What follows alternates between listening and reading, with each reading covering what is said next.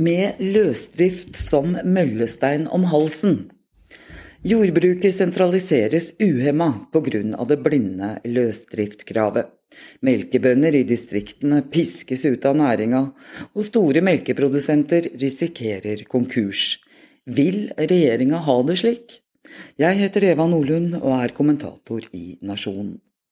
Nær halvparten av melkebruka i Norge har fortsatt båsfjøs. Utviklingstakten er for lav til å få alle med over innen fristen i 2034, og gjenstående bruk ser ut til å ha utfordringer med å finne lønnsomhet i den pålagte omlegginga, skriver Bondelaget i sitt krav.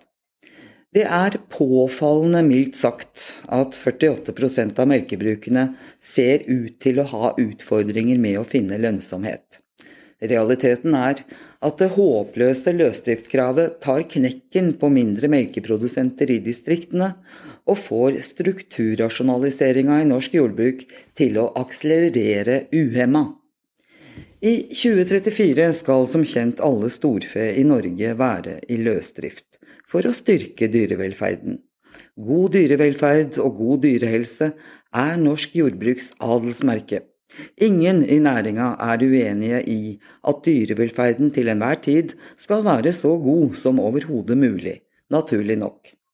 Løsdrift innebærer et bedre utgangspunkt for styrket dyrevelferd, fordi dyra beveger seg friere. Men løsdrift i seg selv er ingen garanti for at dyra får det bedre, slik enkelte dyrevernere ser ut til å tro. Det er uansett melkebøndene som sørger for god dyre, dyrevelferd og god dyrehelse gjennom sin kompetanse og profesjonelle drift, som bl.a. innebærer omsorg for hvert enkelt dyr. Det er så å si umulig å få lån til mindre fjøs, som er dimensjonert etter beitegrunnlaget på gården. De melkebøndene som tør å investere, må bygge større og i tillegg leie beite til dyra. Hver melkebonde trenger altså mer jord, og det blir mer dekk og diesel og færre bønder. Slik skyter strukturrasjonaliseringa fart. Distriktsjordbruket, og dermed distriktene, svekkes, samtidig som mange som har investert i løsdrift, sliter med regningene og frykter konkurs. Forgjeldinga øker altså kraftig. Derfor blir det enda mer bruk av fôr på andres ressurser. Avdråtten må økes for å øke inntjeninga. Ei ku i løsdrift yter 900 liter mer per år enn ei ku i båsfjøs. Hovedårsaken er sterkere fòring. Samtidig som dyrevelferdshensyn ofte taler i retning av at ytelsen ikke bør presses for langt. Myndighetene burde ha innført løsdrift på langt bedre vis, gjennom naturlig avgang, så å si, innført løsdrift gjennom krav til nybygg og krav om omlegging til løsdrift ved eventuelt utvidelse av fjøs, kombinert med kravene til bevegelse for dyra, altså lufting og beiting, og statlige tilskudd til investeringer i henhold til nye krav. Det burde vært brukt gulrot framfor pisk. Den gang ei. Pisken ble altså valgt, og melkebruk med ressurstilpassede besetninger piskes ut av næringa. Bruk som ellers holdes fram som eksempler på det mest naturnære og bærekraftige jordbruket, og som de beste eksemplene på produksjon på egne ressurser. Noen av disse melkebøndene sender endog kuene sine til seters.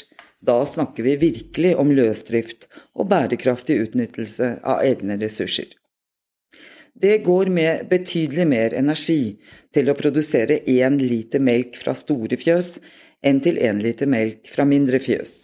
Energibruken i jordbruket øker, jordbruket blir mindre bærekraftig, det blir færre bønder, og distriktsjordbruket rakner. Er det slik Arbeiderpartiet og Senterpartiregjeringa vil ha det? Vestland har 61 på åsfjøs, Agder 58 Innlandet og Møre og Romsdal 51% f.eks. I store deler av disse fylkene ligger det ikke akkurat an til god arrondering for større bruk, tunge landbruksmaskiner og dekk- og dieseldrift. Hva med disse melkebrukene? Det eneste som kan stagge sentraliseringa, sikre piskede melkebønder, distriktsjordbruk og bærekraft, er troverdige økonomiske garantier fra regjeringa. Først og fremst til melkebruk med under 30 kyr, men også til gjeldstyngede og konkurstruede bønder som har, investert i tråd med statens løsdriftskrav. Økonomien i jordbruket er ikke sterk nok til at disse bøndene kan bære investeringskostnadene på egne skuldre. Inntektene i jordbruket er lave, investeringene er høye, og i tillegg kommer betydelig økte kostnader, som oppgjøret på 10,9 milliarder kroner i fjor var et tydelig eksempel på. Bondelaget understreker også at det er citat, særlig viktig å prioritere omlegging av de fjøsa som har opptil 30 kyr, slik at de kan fortsette med produksjon tilpassa brukets ressursgrunnlag.